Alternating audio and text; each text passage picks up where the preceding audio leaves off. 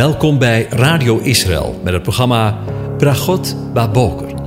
Een kort ochtendprogramma waarin een gedeelte uit de Bijbel wordt gelezen en besproken. Met Bragot Baboker wensen onze luisteraars zegeningen in de ochtend. Presentator is Kees van de Vlist.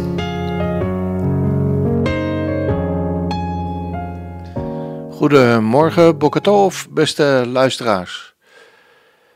Gaan we verder met na te denken over Psalm 105. En daarvan lees ik het volgende vers. Hij trof alle eerstgeborenen in hun land, de eerste vruchten van al hun mannelijke kracht. Over de dood van de eerstgeborene gesproken. In de voorgaande aflevering hebben we met elkaar stilgestaan bij de, doop, bij de dood, moet ik zeggen, van de eerstgeborene. Meervoud dus. En vanmorgen wil ik met u nadenken over de eerstgeborene. Enkelvoud dus. Want het blijkt een heel verschil te zijn. De dood van de eerstgeborenen en de dood van de eerstgeborene. Een verschil van dood en leven. En ligt dus juist daar misschien niet de sleutel van deze hele geschiedenis van alle plagen die over de Egyptenaren werden uitgestrooid. De dood van juist deze eerstgeborene bracht en brengt verlossing voor zijn volk Israël en voor alle die hun vertrouwen stelden, stellen en zullen stellen op zijn bloed, het bloed van het geslachte lam. Want we zeiden in de voorgaande aflevering al: de eerstgeborene is Christus, de Messias. Hij moest sterven om de verlossing van het volk van Israël gestalte te geven. De eerstgeborene uit de doden wil dus niet zeggen dat Jezus de eerste is die uit de doden opstond. Daar wijst de apostel Paulus op in 1 Korinthe 15 vers 20 als hij schrijft: Maar nu, Christus is opgewekt uit de doden en de eersteling geworden van degenen die ontslapen zijn. Zo spreekt hij er ook in, over in Colossense 1 vers 18. Daar wijst Paulus de Colossense erop dat de Messias het hoofd is van het lichaam, namelijk de gemeente. Het drukt dus ook een positie uit, namelijk dat hij de belangrijkste is, met de eerste rechten van de erfenis. De gemeente wordt daarom in Hebreeën 12 vers 23 ook genoemd de gemeente van de eerstgeborenen, die in de hemelen opgeschreven zijn. Ziet u, weer wordt er gesproken over de eerstgeborenen, nu niet in relatie tot de dood, maar in relatie tot de levende, namelijk de Messias. In de eersteling, Adam, hebben wij de dood gekozen boven het leven en zijn we alle aan de dood onderworpen. Door de zonde is de dood in de wereld gekomen. En de dood is tot alle mensen doorgegaan. Maar Jezus Christus is in de wereld gekomen om zondaren uit de dood op te wekken. Hij doet dat door zijn machtwoord en door zijn geest. Daarvoor looft Petrus de Heere als hij schrijft in 1 Petrus 1 vers 3. Gelooft, zij de God en de Vader van onze Heer Jezus Christus, die naar zijn grote barmhartigheid ons heeft wedergeboren tot een levende hoop door de opstanding van Jezus Christus uit de doden. Wat een totaal ander geluid. Wat een geweldige omwenteling. Van de dood tot het leven, met een hoofdletter geroepen. Een grote contrast is echt niet denkbaar. Daardoor hebben we deel aan de erfenis die in de hemelen bewaard wordt bij God. Het is al een onbevattelijk wonder als de Heere door zijn woord en geest een zondaar uit de dood opwekt. Even een vraag. Is dat al in uw leven gebeurd? Ik weet niet of u wel eens naar het programma God verandert mensen van de EO kijkt. Maar dan kom je keer op keer er weer achter dat het niet de God van de Egyptenaren het voor het zeggen heeft in deze wereld, maar dat we anno 2022 te maken hebben met een levende God. Onszelf kunnen we niet tot leven roepen, maar er is niets te wonderlijk voor de levende God. Als we niet hebben geleerd dat het lam, of met andere woorden de eerstgeborene, met een hoofdletter, voor u en voor mij moest sterven. Omdat wij tegen God gezondigd hebben en daarom de dood verdiend hebben, begrijpen we er helemaal niks van. Deze eerstgeborene heeft voor u en voor mij en voor wie je ook bent de weg geopend tot het leven. In de offeranden van dit lam, van zijn lichaam, eenmaal aan het kruis, zijn we veilig en hebben we shalom, vrede met God ontvangen. Deze vrede is geen vrede door gebrek aan oorlog, maar heeft een veel en veel diepere betekenis. Als David naar zijn broers gaat, die aan de gevechtslinie staan, vraagt hij hun of alles goed met hen gaat. Hij vraagt naar hun shalom in 1 Samuel 17, vers 22. Je zou ook kunnen denken aan de manier waarop Paulus de gemeenten aanspreekt. Genade en, zij u, en vrede. Shalom.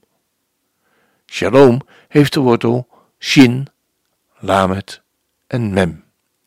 Deze wortel wordt ook voor andere woorden gebruikt en heeft ten diepste de betekenis van compleet zijn, volledig zijn of vervulling.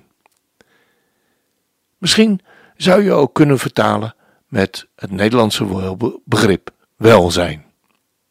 Zo is vandaag de dag in Israël het woord voor betalen, le shalem. Betalen is het weer compleet maken van de kostprijs. Het herstelt de schade die het nemen van een product met zich meebrengt. Betalen is dus shalom maken.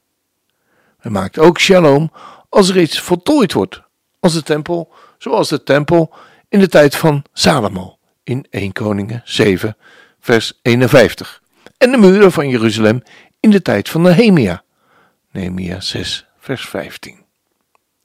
Shalom betekent dus vrede. Maar wat is nu precies vrede? Vrede is dat er niets te betalen is. Dat alles vervuld en compleet is. Dat er geen bloed te vergieten en er is geen schuld te betalen, omdat het heel is. Er is rust. Het is shalom. Toen de mens ervoor koos om tegen God in te gaan, ontstond er een schuld die niet te betalen was. Het leven met God in de hof was kapot. En dat was duidelijk te merken. Mensen denken aan zichzelf. Er is oorlog, er is pijn, er is verdriet. De mens had shalom kapot gemaakt en kon het niet meer heel maken, want ze waren zelf niet meer heel, niet meer shalom. Maar ze waren gebroken en zondig. Zonde werd concreter toen God via Mozes de wet schonk aan zijn volk Israël. Mozes wist toen al dat zij deze wet niet konden vervullen en dat er pas shalom zou kunnen zijn wanneer er een andere profeet na hem komen zou. Zo lezen we in Deuteronomium 18, vers 15. In de Torah lezen we in Deuteronomium 18, vers 15: Een profeet uit uw midden, en profeet is daar geschreven met een hoofdletter, uit uw broeders, zoals ik, zal de Heere, JHWH, de aanwezige, uw God voor u doen opstaan.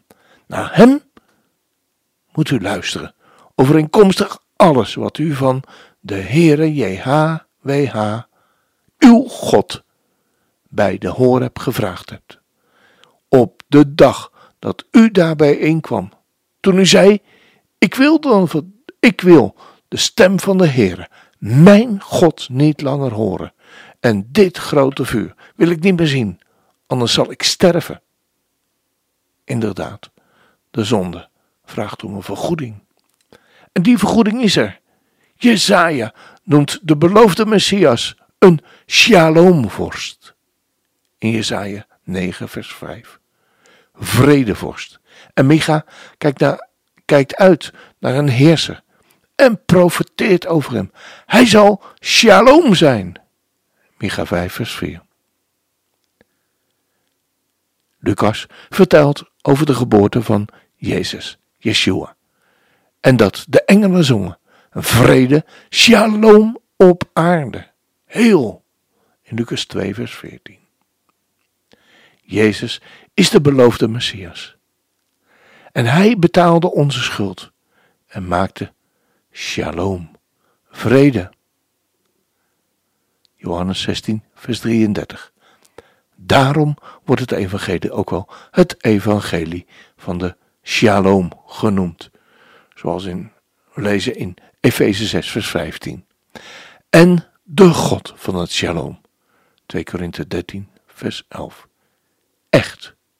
Alleen in de Heere Jezus is er echte shalom. De Heere, JHWH, wil ons ook shalom in ons hart werken en belooft zijn geest aan ieder die hem wil volgen. Zoals Jesaja zegt, de vrucht van de gerechtigheid is shalom. Shalom is niet voor niets deel van de vrucht die de geest in ons wil werken. Volgens gelaten 5 vers 22. Maar shalom is ook een opdracht voor ons allen.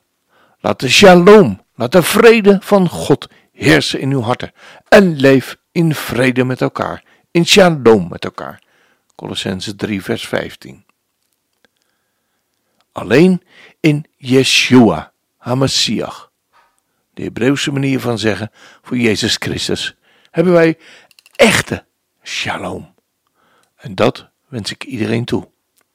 Wij dan, gerechtvaardigd uit het geloof, hebben shalom bij God door onze Heer Jezus Christus zegt Romeinen 5 vers 1. En als dat geen zegen is.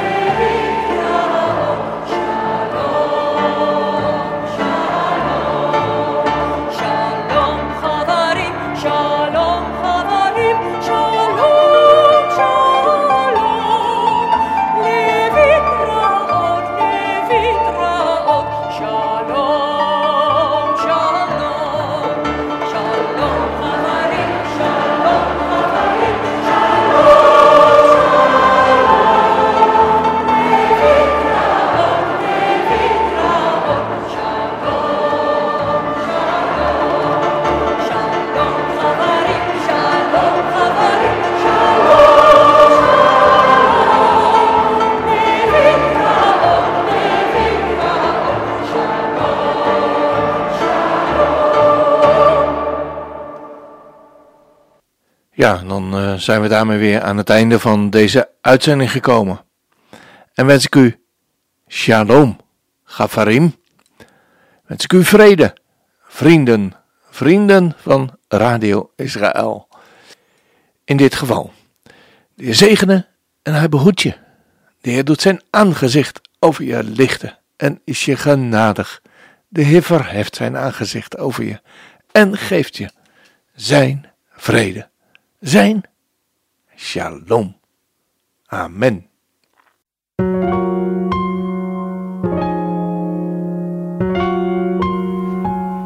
U hebt geluisterd naar het programma Bragot Baboker. Een kort ochtendprogramma waarin een gedeelte uit de Bijbel wordt gelezen en besproken. Wilt u het programma nog eens naluisteren, dan kan dat. Ga naar radioisrael.nl en klik onder het kopje radio op Uitzending gemist.